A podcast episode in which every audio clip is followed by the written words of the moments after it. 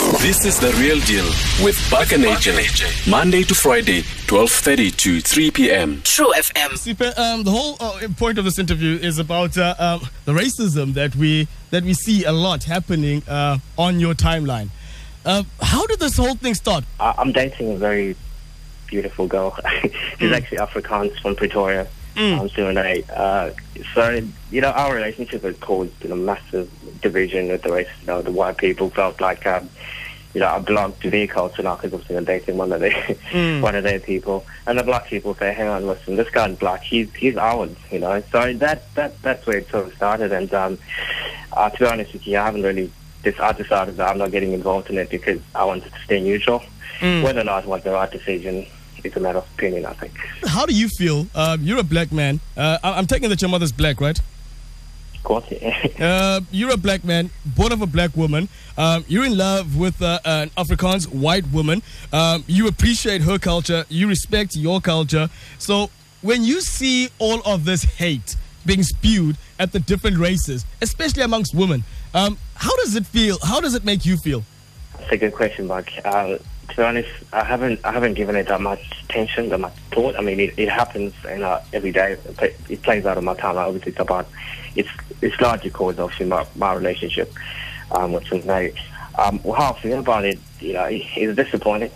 Um, and um, you know, I, I to be honest, I haven't really given it much thought until obviously I read the letter you wrote to me, and then I thought, I thought, hey, you know, maybe I should, um, you know, stepping here because I was fixed on that, not getting involved. There was no stance in it. I wasn't prepared to change that because I don't want to get caught up in in it as well. But you know, that didn't really work because it just kept going and going. So um, I haven't really decided on how I'm going to how I'm to do about it. But um, yeah, I think um, it's probably the right time for me to actually say, look, people, you got to stop this.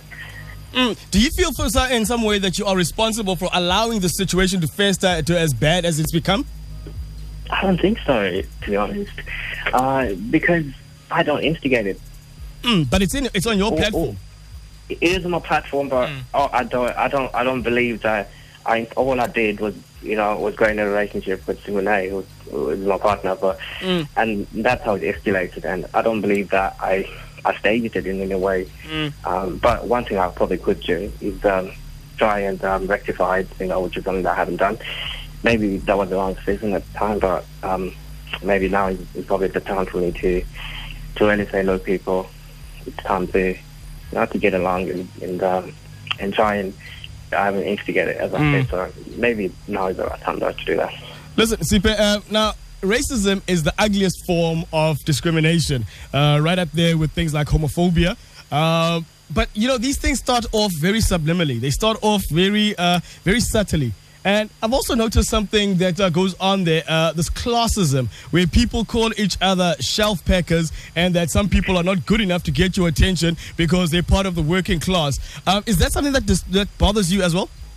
To be honest with you, I think um, I think it's quite funny because I mean it's ridiculous. I think um, I'm I'm I'm, like, I'm a rural boy. I'm from the rural. I'm I'm from a very humble background.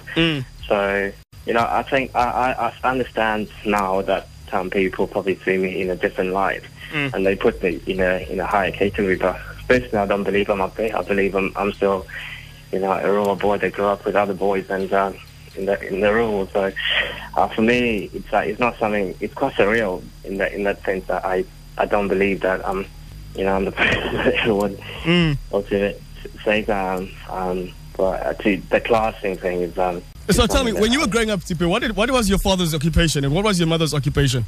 They're both uh, school teachers. Um, you know, like I said, was a very humble background. And we, as as we know, in South Africa, school teachers don't get paid a lot, so they could be like kind of shelf packers, right? They do, they are, but like I said, my stance to it all, Buck, was that if ever re- says to me that, Sita, your mother is a shelf taker, I'll get involved in it. I'll, I'll get involved to tell the person what I think. But if it's not directed at me, my stance, I'm not getting involved in it because um, I don't think I, uh, that I should be fighting for other people. You know, if, you, if someone decides to get involved in a scrap, you know, they should get themselves out of that. But if it's directed at me, then I'll deal with it accordingly. Right. But no one's ever called me a shelf or anything like that. So. well, you got too much money to be called a chef packer right now. All right. No, thank you very much, Siphe, for your time and uh, all the best of luck, my man. Thanks, a lot. Find us online. Stream live on truefm.co.za. Uphinde usimamele kwi-DSTV channel 816. True FM ifumaneka kulo lonke eli like no one else.